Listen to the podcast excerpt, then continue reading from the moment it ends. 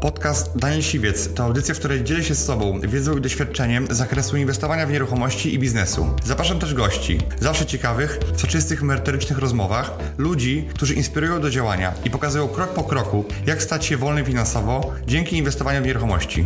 Posłuchaj ich historii, zastosuj modele działania, wykorzystuj narzędzia i uzyskuj podobne rezultaty.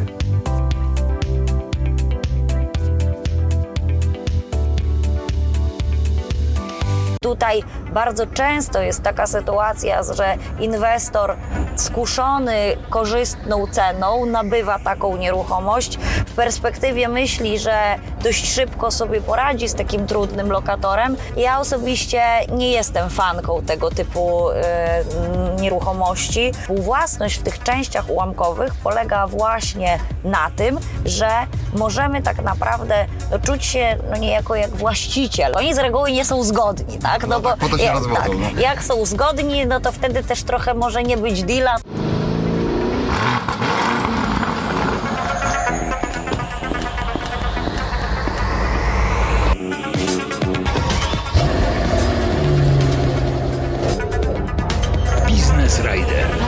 Witajcie w nowym odcinku Business Ridera, a moim dzisiejszym gościem jest Elżbieta Liberda. Piąteczka. Cześć.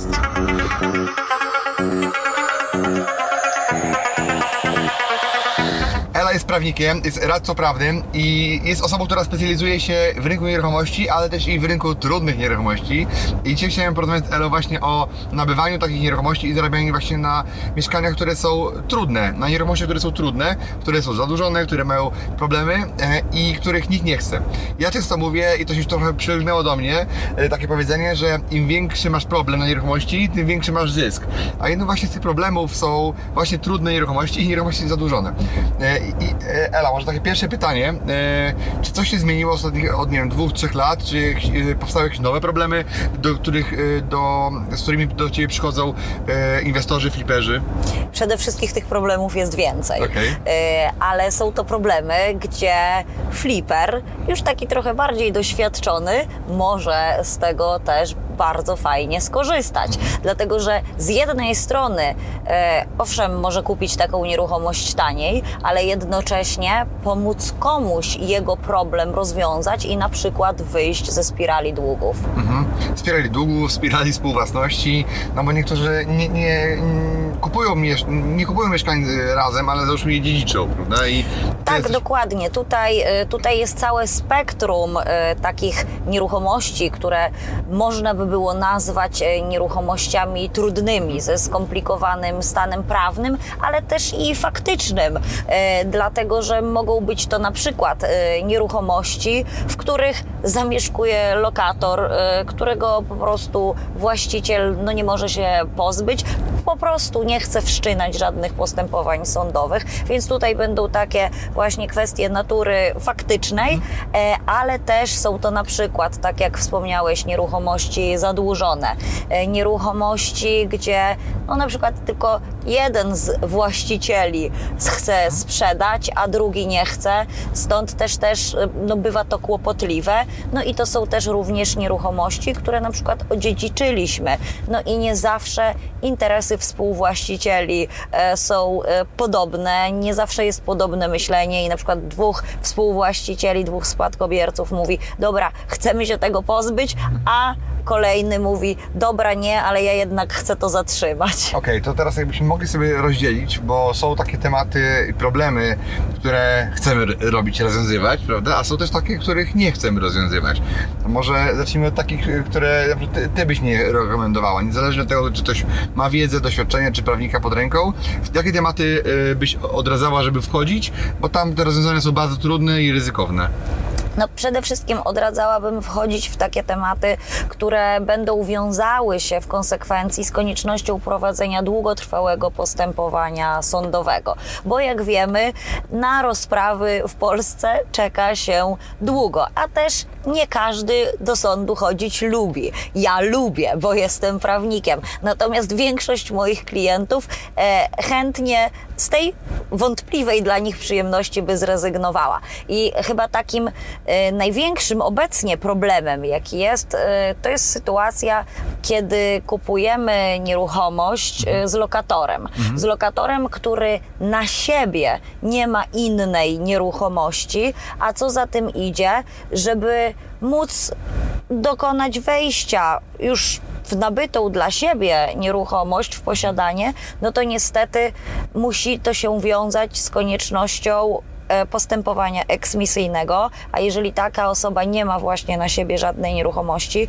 no to jeżeli my też nie zapewnimy jej lokum, to przepisy prawa polskiego mówią, że będziemy musieli oczekiwać na lokal socjalny, a takich lokali pustych w gminach wielokrotnie nie ma, a nawet jeśli są, to czeka się na niewiele lat. I tutaj bardzo często jest taka sytuacja, że inwestor skuszony korzystną ceną nabywa taką nieruchomość, w perspektywie myśli, że dość szybko sobie poradzi z takim trudnym lokatorem, a w rzeczywistości wygląda tu zupełnie inaczej i przez wiele lat ma po prostu zamrożone środki. To samo dotyczy sytuacji zakupu nieruchomości z licytacji komorniczej. Ja osobiście nie jestem fanką tego typu e, nieruchomości, e, szczególnie jeżeli oczywiście mówimy tutaj właśnie o tym czynniku, że kupujemy no, nieruchomość z lokatorem, z dłużnikiem. Początkujący inwestorzy idą na licytację, licytują, a później się dziwią, że państwo ich nie chroni, ich majątku, e, tylko chroni tego który, dłużnika tak naprawdę. I ja często mówię na szkoleniach swoich, że odradzam kupowanie na licytacji, no bo jest wiele ryzyk. Poza tym też e, ten proces dochodzenia do własności trwa parę miesięcy e, często. Tak, tutaj właśnie trzeba też wskazać, że no nie tylko to, że zostaniemy tam nieoczekiwanego gościa może być kłopotem, ale też to, że właśnie w toku postępowania egzekucyjnego ten dłużnik ma bardzo wiele możliwości, żeby prowadzić taką obstrukcję tego postępowania. Może skarżyć każdą czynność po kolei w tym postępowaniu Wydłużając egzekucyjnym, czas. tak wydłużając czas, no a co za tym idzie, no nasza stopa zwrotu z inwestycji e, no po prostu robi się bardzo niska. 10 lat temu miałem takiego znajomego przedsiębiorcę, który był skuszony właśnie, miał wolne środki, kupił mieszkanie i powiedział mi coś takiego, że to było niewarte zachodu, nie- niewarte emocji, problemów, e, bo tam było mnóstwo nerwów i ta kobieta uważała, że to jest jego wina, że e, on przymusowo przyjął tą, tą nieruchomość, bo to przecież on się zadłużył, prawda, i tak dalej. Tak. A przecież to było wszystko jej wina. A czasami jest tak, że taki sam dłużnik, ja na przykład wolę i pewnie ty też tak e, uznajesz taką zasadę, że lepiej mu pomóc i wyciągnąć do niego rękę i on się zachowuje totalnie inaczej. Dokładnie.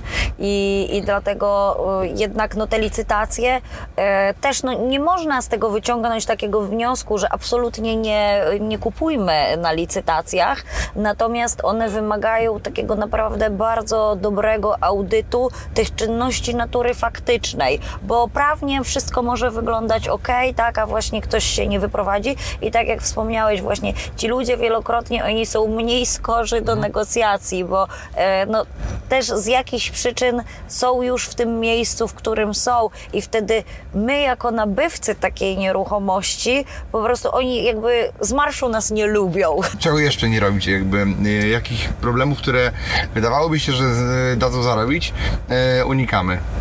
Z pewnością unikałabym takich sytuacji, kiedy na przykład nabywamy udział w nieruchomości, czyli kupujemy połowę mieszkania i wydaje nam się, że po, ponieważ kupujemy swoje, załóżmy 50%, to będziemy na pewno mogli do nieruchomości się wprowadzić. Jeżeli kupujemy taką połówkę, a ta nieruchomość jest zamieszkana, to pomimo tego, że przysługuje nam tytuł prawny do tej nieruchomości, pomimo tego, że może być to nawet dosyć duży dom, to do takiej nieruchomości nie mamy prawa wejść, bo naruszymy mir domowy tego drugiego współwłaściciela. I teraz, jeżeli widzimy, że taki drugi współwłaściciel nie jest skory do tego, żeby z nami rozmawiać, absolutnie y, nie chce rozmawiać o tym, że ten swój udział nam odsprzeda, to też musimy tutaj podejść do tematu w taki sposób, że trzeba się zastanowić, y, czy jest sens w to wchodzić, bo może to się wiązać z koniecznością wszczęcia postępowania o zniesienie współwłasności, a takie postępowanie może trwać wiele lat. Dlatego zawsze najpierw trzeba z takim współwłaścicielem porozmawiać, jeśli on jest w posiadaniu nieruchomości, no i oczywiście zastanowić się, czy nam się to po prostu opłaca, czy w perspektywie załóżmy tego, że przez dwa czy trzy lata trzeba będzie takie postępowanie prowadzić, czy po prostu no Excel nam się spina. Tak, i utrzymać mieszkanie też, prawda? Że... I wielokrotnie utrzymywać mieszkanie, dlatego że jak wiemy, współwłaściciele też za większość Tak. zobowiązań są odpowiedzialni solidarnie. Natomiast y, to jest wtedy, kiedy kupujemy jedno, drugą mieszkanie albo ułamek, udział w mieszkaniu, kiedy ktoś e, mieszkanie e, zajmuje. Natomiast rozmawialiśmy przed wywiadem tutaj, że e, mówiłeś mi, że to jest bardzo dobry interes, prawda, w tym, że o tym wiemy, że kupować mieszkanie, kiedy jest to prawo posiadania, prawda, czyli kupujesz ułamek nieruchomości, ułamek mieszkania, a jednocześnie masz posiadanie, a ktoś inny nie ma, prawda, wtedy możesz, masz lepsze karty. Tak, to są zdecydowanie moje ulubione inwestycje, które są w mojej ocenie jednymi z najbardziej kalorycznych. Czyli kupujemy udział w nieruchomości. Oczywiście ten udział będzie o wiele tańszy niż y, cena rynkowa, dlatego że jest to współwłasność. Tutaj oczywiście no, też musimy pamiętać, że kupując udział w nieruchomości musimy go finansować gotówką wielokrotnie, dlatego że nie możemy, banki nie kredytują udziałów, ale przez to wiele osób w ogóle nie jest zainteresowanych tego typu inwestycjami. Te udziały są po prostu dużo tańsze i jeżeli kupimy taki udział e, w dobrej cenie, a tak właśnie są one sprzedawane i w ramach tego udziału, nawet niewielkiego, obejmiemy w posiadanie całe mieszkanie, to będziemy na przykład mogli takie mieszkanie od razu już wynajmować, bo współwłasność w tych częściach ułamkowych polega właśnie na tym, że możemy tak naprawdę no, czuć się no, niejako jak właściciel w takiej nieruchomości i nie musimy innych współwłaścicieli co do zasady pytać o zdanie, a jednocześnie dysponując już nieruchomością, czerpiąc z niej określone pożytki lub korzyści, możemy też na przykład negocjować z innymi współwłaścicielami to, żeby, czy współwłaścicielem, e, żeby odsprzedali nam swój udział. I dlaczego to też jest takie korzystne? Dlatego, że zobaczcie, jeżeli e, my kupimy udział od osoby, która jest w posiadaniu nieruchomości, no to dla niej to przedstawiało, przedstawia jakąś wartość. Natomiast jeżeli ktoś ma udział taki tylko na papierze, w księdze wieczystej, no to wielokrotnie taka osoba, ona po prostu chce się tego pozbyć, bo ona ani nie może korzystać z mieszkania, ani, na- ale wielokrotnie też nie chce. Pytanie, co jest z tym czynszem? No bo już my, ktoś ma jedną, drugą e, nieruchomości, wynajmuje to,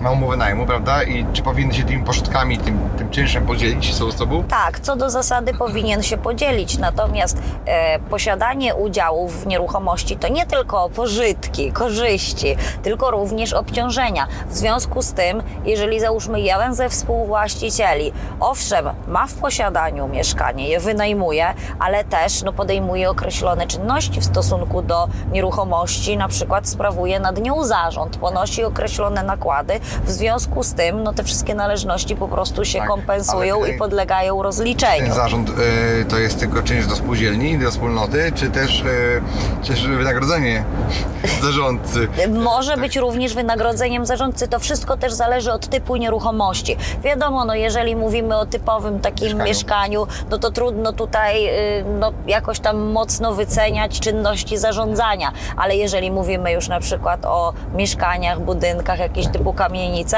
no to te czynności zarządcze są konieczne. Tu musimy też jeszcze pamiętać o takiej rzeczy, że na przykład jeżeli mieszkanie, dom dom wymaga e, remontów, remontów koniecznych, nakładów koniecznych, no to również każdy z, współwłaścicieli w stosunku do posiadanych udziałów powinien też uczestniczyć w tych kosztach. I też jest to wielokrotnie przyczyna, dla której ci współwłaściciele, którzy no mają ten udział no tylko na papierze, to oni sami po prostu bardzo chętnie się tego pozbywają, bo trochę ten udział jest dla nich taką kulą u nogi.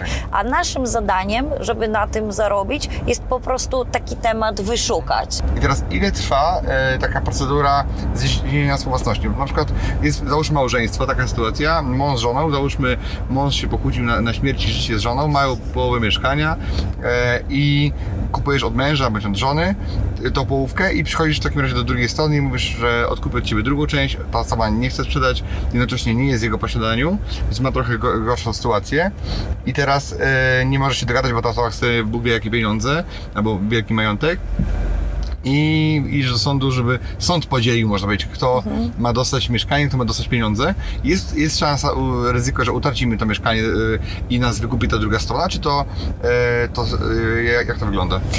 No, szansa jest niewielka. Kiedy my jesteśmy w posiadaniu, kiedy wraz z zakupionym udziałem e, zostanie przeniesione na nas również to posiadanie, no to to, że ktoś e, jakby no, zmusi nas do opuszczenia tego mieszkania, e, no to, to tutaj ryzyko jest nieduże, chyba że no, nie będziemy mogli przy zniesieniu współwłasności spłacić takiej osoby. I teraz na czym to polega? Jeżeli właśnie mamy taki kazus, który przytoczyłeś, że mamy tych na przykład byłych małżonków, oni z reguły no, nie, y, nie są byłymi małżonkami dlatego, że byli zgodni, tylko dlatego, że coś się wydarzyło. W związku z tym z reguły no, ten konflikt jest mniejszy, większy. I wielokrotnie jest tak, że kiedy my kupimy, załóżmy od takiej byłej żony czy od byłego męża taki udział w nieruchomości, obejmiemy w posiadanie, to nawet nie dojdzie do postępowania sądowego, no bo my wchodzimy zupełnie jako obca osoba, bez emocji i wielokrotnie zdarza się tak, że jednak ten, ta e, druga strona nam to sprzeda. I teraz gdzie tutaj biznes, tak? Bo jesteśmy w biznes riderze.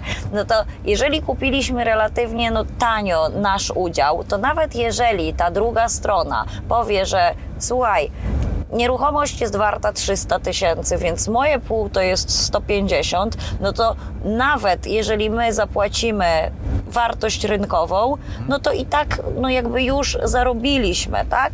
I e, wielokrotnie tak to się kończy.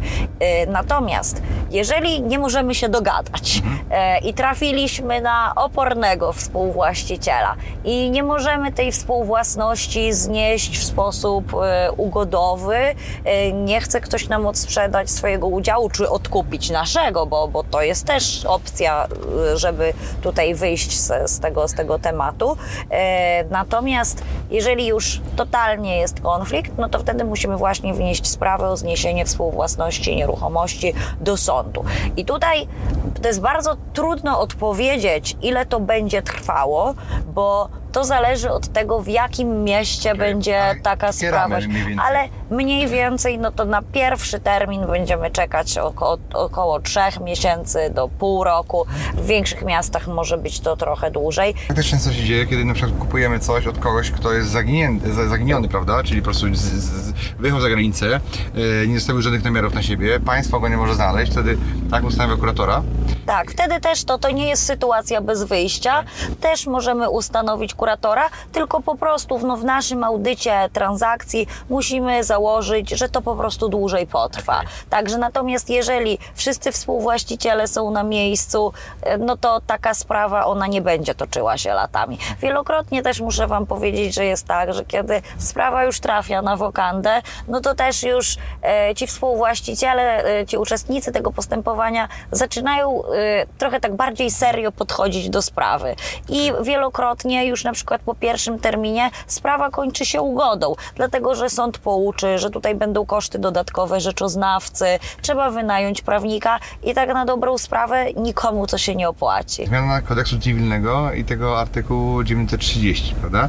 I teraz Mhm. e, to chodzi, chodzi głównie o, o, dla, dla Was wszystkich o przepis, który e, daje nam możliwość kupowania bezpiecznie mieszkania, kiedy ono jest zadłużone.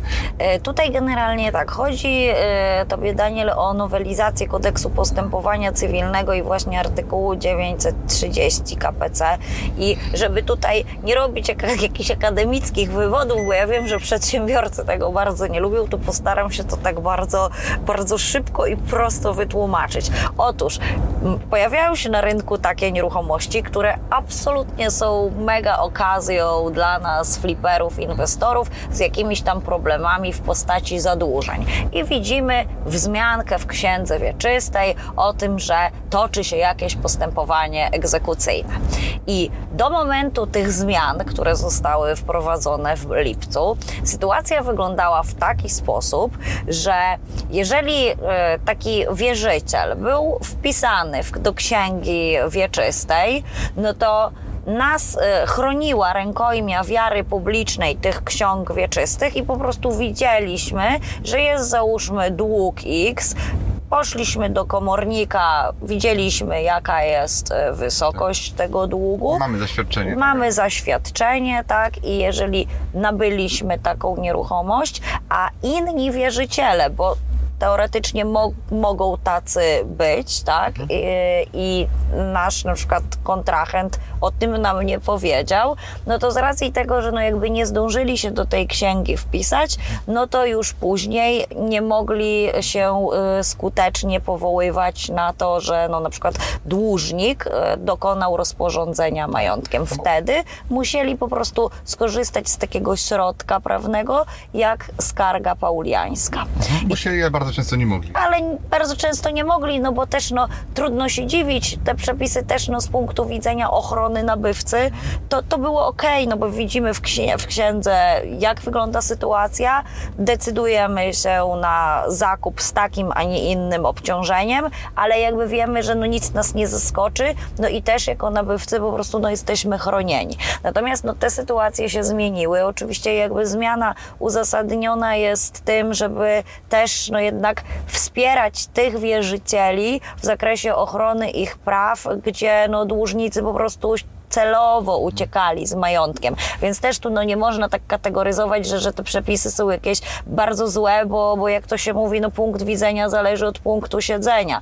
Natomiast sytuacja teraz wygląda w ten sposób, że pomimo tego, że nie ma wzmianki w księdze wieczystej, no to i tak y, ci wierzyciele będą mogli przyłączyć się jeszcze do egzekucji z nieruchomości. Podczas kiedy ona trwa. Tak, podczas oczywiście, gdy ona trwa. Natomiast to też nie jest tak, że teraz możemy powiedzieć, nie kupujmy mieszkań, gdzie jest jakiś dług, bo, bo te długi wielokrotnie no, się pojawiają, czasy mamy trudne, ktoś nie zapłaci czynszu, czy tam jakiś opłat, czy, czy po prostu gdzieś nabrał jakiś chwilówek i czasami to są jakieś nieznaczne kwoty, 20-30 tysięcy, więc też no, nie ma co się tego jakoś tam strasznie bać.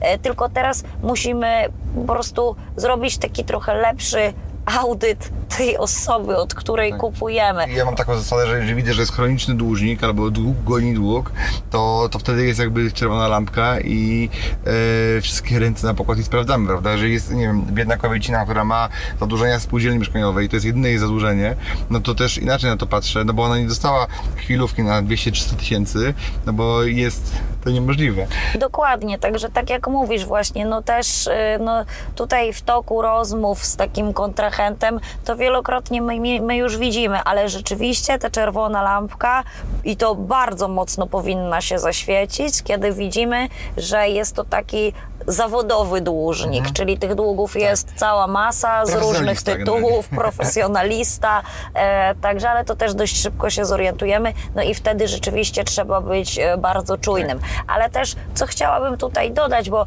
ja jestem takim prawnikiem biznesowym, e, także, e, no, bo najprościej to by było tutaj wszystkim powiedzieć, to najlepiej nie kupujcie takich mieszkań, tylko kupujcie to wszystko, co jest czyste, bez żadnych wzmianek, no tylko, że no jeżeli my mamy robić rentowność, no to powinniśmy no trochę tych problemów szukać, no bo jeżeli taką nieruchomość znajdziemy, no to ona będzie tańsza. No i też jeżeli chcemy korzystać z tego, żeby więcej zarobić, no to też no to ryzyko nasze trochę musi być większe. Ale co jest naszą przewagą, że jeżeli nauczymy się tego robić. Będziemy mieli sprawdzony system. To jest tak, jak ty uczysz u siebie na szkoleniach z flipów, że jeżeli poukładasz całe to Lego w oparciu o twój system, to praktycznie no, opcja, że to nie wyjdzie, to, to, to jest no, niemalże nie... To, to, to, to, to, jest nie jak instrukcja Tak, tego, to jest tak? jak instrukcja obsługi, tak?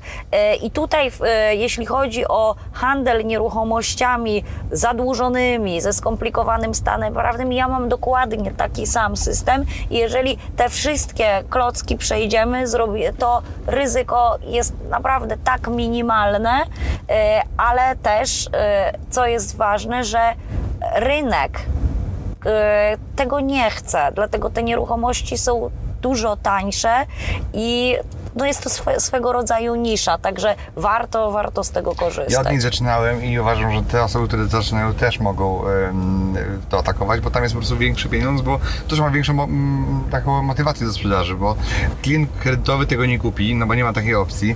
Klient taki pierwszy, lepszy, no to zdarzy się z tym, że nie wie jak to zrobić, zadzwoni do kolegi prawnika, kolega od rozwodów mu powie, stary, lepiej w to nie wchodź, bo nie wiem jak, jak ci pomóc, tak? To wiem, że się kiedyś tobie zdarzyło, bo mi kiedyś mówiłeś jakiś czas temu, mi się też zdarzyło, ale też ostatnio zdarzyło się mojemu absolwentowi. Pod tytułem, że notariusz wyrażał swoje zdanie opinię na temat tego, jaka powinna być cena. I, i teraz, czyli generalnie rozwalił mojemu, em, mojemu absolwentowi transakcję, e, namawiając drugą stronę, żeby podniosła cenę, że za to tanio sprzedaje, prawda? E, I teraz co ty, co ty byś zrobiła w tej sytuacji? No bo co, co my myślimy o takiej osobie, to mi się wydaje, że szkoda e, tu mówić na kanale tego programu. Natomiast jakbyś się zachowała w tej sytuacji, tak na trzeźwo patrząc, no wiadomo, że na początku jest szok, tak? A, a później, no i co ty o tym sądzisz?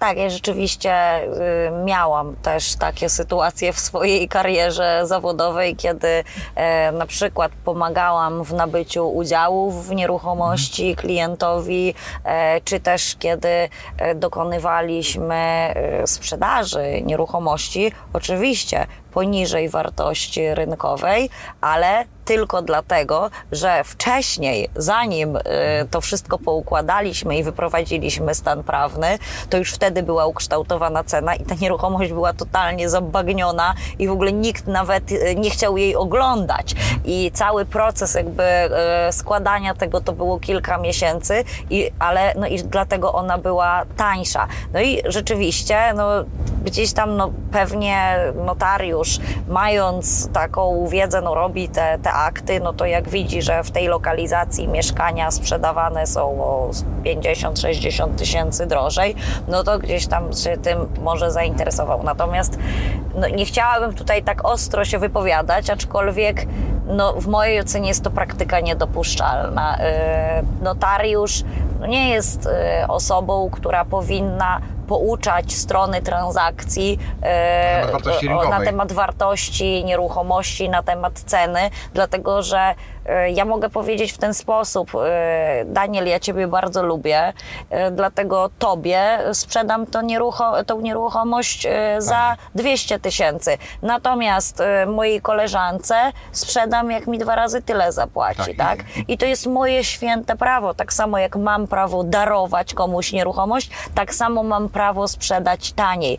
I e, rzeczywiście no, takie sytuacje na rynku mają miejsce. W mojej ocenie są to absolutnie tinha niedopuszczalne. Ja rozumiem sytuację, w której nie wiem, że ktoś, jakaś e, biedna Sasza, babcia jest, e, wydaje się wy- wykorzystana przez, przez kogoś, kto po prostu, e, nie wiem, że k- coś sprzedaje za, za, za pół ułamek wartości i tam od razu widać jakiś, jakiś taki podejrzany pan, generalnie podejrzany wyglądający i, i widać kobiecina, która generalnie nie, nie wie, co się dzieje Tak, wtedy notariusz wręcz musi reagować, tak? Bo nakładają to na niego przepisy. Natomiast my mówimy tak, zakładam, no, o to- sytuacjach od- takich bardzo standardowych. gdzie e, wartość odbiega, nie wiem, 20 parę procent od wartości rynkowej, co może stanowić sam, e, sama różnica w wykończeniu tego mieszkania, prawda? Więc jakby Dokładnie, także to jest podobnie jak na przykład sytuacje, kiedy dokonujemy sprzedaży udziałów w nieruchomości. Też no, miałam taką y, dosyć nieprzyjemną nieprzyjemną sytuację, że też y, no, notariusz y, zaczął sugerować, że współwłasność to jest bardzo niebezpieczna. E, No i y, no, dla kogoś, kto nie jest e, zawodowcem, no to rzeczywiście pojawia się taka czerwona lampka. Finalnie doszło do tej transakcji, no niemniej jednak gdzieś tam jak, jakaś taka wątpliwość e, była i, i zrobiło się trochę nieprzyjemnie. Czyli dobry notariusz to ten, który często jest skąpy w opiniach, tak można powiedzieć. tak jakby i e, wiecie, e, nie można patrzeć zawsze przez sw- swoją miarę i notariusz też, też nie powinien, że to, że on by tego nie kupił, by tego nie albo on by tego nie sprzedał za tyle, to jest jakby nikogo nie powinno interesować, prawda? No, Tak, ale tutaj chciałabym też powiedzieć o jakby drugiej stronie medalu, bo wielokrotnie jest tak, że przychodzą do mnie klienci do kancelarii i na przykład mówią, trzeba pozywać notariusza, bo notariusz y, nie powiedział, że na przykład e, jak ja sprzedaję mieszkanie do remontu, e, no to, że powinienem się zabezpieczyć na wypadek ewentualnej odpowiedzialności za wady. Dlaczego mi ten notariusz tego nie powiedział? No po pierwsze, no, Nie jest od je- tego. nie jest od tego. Notariusz nie jest doradcą prawnym, ra- radcą czy adwokatem, ale generalnie, no jeżeli byście zapytali, to wam powie. Natomiast notariusz nie jest zobowiązany i wręcz no, to by było niemożliwe, żeby jeździł na każdą nieruchomość i opiera się na oświadczeniach. Jeżeli e, sprzedawca oświadcza, że nieruchomość jest do remontu, no to notariusz wp- wpisze, że nieruchomość Dokładnie. jest do To remontu. jest tak, że notariusz nie może powołać całego prawa i pouczyć e, na temat całego prawa, e, które, które istnieje, to każdy musi to zrobić sam. I ja mam też takie doświadczenia, że notariusz jest do tego, żeby transakcja była legalna, legitna, w sensie takim, żeby były wszystkie elementy, które prawo narzuca e, na notariusza. Natomiast notariusz często od siebie nie zawsze daje takie zabezpieczenia, które flipera zabezpieczają, czyli w obrocie prawnym jest pewien standard, można powiedzieć, tak? I wszystko w całej Polsce jest podobnie. Ale no my fliperzy mamy tu różnego rodzaju takie zabezpieczenia, które są wypracowane przez nie notariuszy, ale wypracowane przez nas samych, przez problemy, które mamy później albo które mogą się pojawić, żeby do nich nie doszło, prawda? Więc notariusz to daje pewien standard, a, a, a doświadczony flipper czy doświadczony prawnik, który się tym zajmuje, oni taką umowę wz- wzbogacają o te, nazwijmy to, dodatkowe zapisy, które są często obustronnie e, korzystne, czyli zabezpieczają obie strony, ale też między, żeby nie doszło między nimi do jakiegoś tam sporu. Tak, dokładnie. No i też tutaj właśnie to, co ja zawsze rekomenduję moim klientom, no to to, że jeżeli no zaczynamy obracać tymi nieruchomościami z trochę bardziej skomplikowanym stanem prawnym czy faktycznym, czy chociażby sprzedajemy na brudno e, mieszkania do remontu, to też nie korzystajmy wtedy z tych klasycznych takich zapisów do umów i standardowych aktów notarialnych, tylko musimy trochę więcej czasu na to poświęcić i po prostu wprowadzić te właśnie dodatkowe zapisy, dodatkowe zabezpieczenia, po to, żeby obie strony czuły się komfortowo. Bo chociażby właśnie wspominając o tych mieszkaniach do remontu, musimy pamiętać, że rękojmia zawady nieruchomości to jest aż 5 lat. W związku z tym, jeżeli y, mamy taką sytuację, że takie mieszkanie sprzedajemy i no, ono jest wadliwe i kupujący rzeczywiście widzi, ogląda, dlatego jest obniżona cena, ale nie zapiszemy tego odpowiednio w akcie notarialnym. I, na, i jedyne oświadczenie to będzie takie, że kupujący oświadcza, że stan techniczny jest mu znany, to musimy pamiętać, że taki zapis, co większości się wydaje, że on wystarczy, to nie, on nie wyłącza rękojmi. I po to, żeby nie mógł e, kupujący skorzystać z roszczeń z tytułu rękojmi, a one są daleko idące, bo to są roszczenia na przykład o obniżenie ceny albo nawet możliwość odstąpienia od umowy, no to mamy opcję albo taką rękojmię właśnie chociażby w akcie notarialnym wyłączyć, bądź zmodyfikować i na przykład zakreślić jakiś krótszy termin, możemy to zrobić, ale to możemy zrobić tylko w relacji, kiedy jesteśmy osoba fizyczna sprzedaje innej osobie fizycznej albo przedsiębiorca przedsiębiorcy i tutaj rekomenduję wtedy takie zapisy. Natomiast kiedy tak jak fliperzy sprzedajemy nieruchomości, no głównie jako firma, no to wtedy nie możemy wprost użyć takiego sformułowania, że strony postanawiają, że rękojmia zostaje wyłączona, ale wtedy możemy zabezpieczyć się inaczej właśnie protokołami przekazania nieruchomości, protokołami oględzin, no i też pouczeniem o wadach nieruchomości, tak? Także i, a, a to powoduje, no jeżeli nieruchomość jest do remontu, coś tam trzeba zrobić, jest jakaś dziura w podłodze, no to to powoduje, że też cena jest niższa. Tak. Dobrze, to powiedzcie mi proszę, mam jeszcze takie pytanie, które często mi pytają e, ludzie i absolwenci moi. Kiedy można kupić mieszkanie w, e, małże, od małżeństwa w trakcie rozwodu, tak? Załóżmy sobie sytuację, że no jest para, która się rozwodzi, jest w trakcie rozwodu i kiedy najlepiej e, się ich dogadać, albo kiedy już możemy z nimi to mieszkanie od nich kupić. No tak jak oni jeszcze y, są w trakcie rozwodu i mają mieszkanie, które zostało nabyte w trakcie trwania tego małżeństwa i weszło do składników majątku wspólnego, to to jeszcze tak za bardzo tutaj kupić nie możemy. Możemy ewentualnie... Ale, ale za zgodą i to porozumieniu? Nie no, za zgodą to Tak. oczywiście, tylko oni z reguły nie są zgodni, tak? No tak, po to się ja- rozwodzą, tak, no. jak są zgodni, no to wtedy też trochę może nie być deala, tak? No bo wtedy cena będzie rynkowa, normalna. sprzedajemy i Tak. tak dalej. Natomiast y, jeżeli chcemy tutaj trochę upatrywać korzyści właśnie z, e, przy opcji korzystnego zakupu udziałów od jednego z małżonków, no to po to, żeby ta współwłasność, ta łączna, ustawowa przekształciła się na te ułamki, które możemy już kupić, no to musimy poczekać, aż będzie ten rozwód i ten rozwód będzie prawomocny. I to jest już moment, kiedy wtedy taki udział każdy z małżonków, każdy te swoje pół może sprzedać. Czyli może, on może wtedy złożyć wniosek do, do sądu wieczysto-księgowego Tak. i zmienić e, formę prawną. Sam wyrok rozwodowy dokładnie, on jest już podstawą do tego, żeby ujawnić tych byłych małżonków jako, jako współwłaścicieli po jednej drugiej. A dlaczego po jednej drugiej? Dlatego, że przyjmuje się takie domniemanie, że udziały w majątku wspólnym są równe. Ale tutaj, uwaga, prawnicza, ta transakcja Dlaczego ludzie w ogóle trochę się też tego boją? Dlatego, że jeżeli kupujemy taki udział, i tak jak wspomniałam, z domniemania to jest te 50%, to może się okazać, że to wcale nie jest 50%, bo na przykład jeden z małżonków bardzo dużo pracował, a drugi był nieco mniej chętny i leniwy. W związku z tym obie strony no, przyczyniły się nieco inaczej do powstania tego majątku wspólnego, co za tym idzie, istnieje możliwość ustalenia nierównych udziałów w majątku wspólnym. I teraz, jeżeli decydujemy się na taki zakup po rozwodzie, a przed podziałem majątku wspólnego, to ta transakcja nie korzysta z rękojmi wiary publicznej ksiąg wieczystych. Dlatego wielokrotnie rynek od tego odstępuje i nie chce tego kupić i wolą ludzie czekać do tego podziału majątku wspólnego, ale jakby wielokrotnie właśnie jeden z małżonków, czy nawet dwoje, nie są zainteresowani też toczeniem tego wieloletniego postępowania Tak. o podział i Udowodniania, wolą po prostu sprzedać nawet taniej ten udział, Ale ale tak, ale po prostu, żeby, żeby się tego trochę pozbyć. I teraz do czego zmierzam? Że y, tu jest pewne ryzyko, aczkolwiek niewielkie, bo ustalenie tych nierównych udziałów w majątku wspólnym to są takie sytuacje naprawdę takie już ostre, Mhm. że na przykład jedna osoba zupełnie nie pracuje, trwoni majątek, a druga osoba tylko zarabia tak? i bardzo rzadkie. Bardzo to, proces dowodowy jest bardzo wymagający, dlatego e, ryzyko w mojej ocenie nie jest zbyt duże.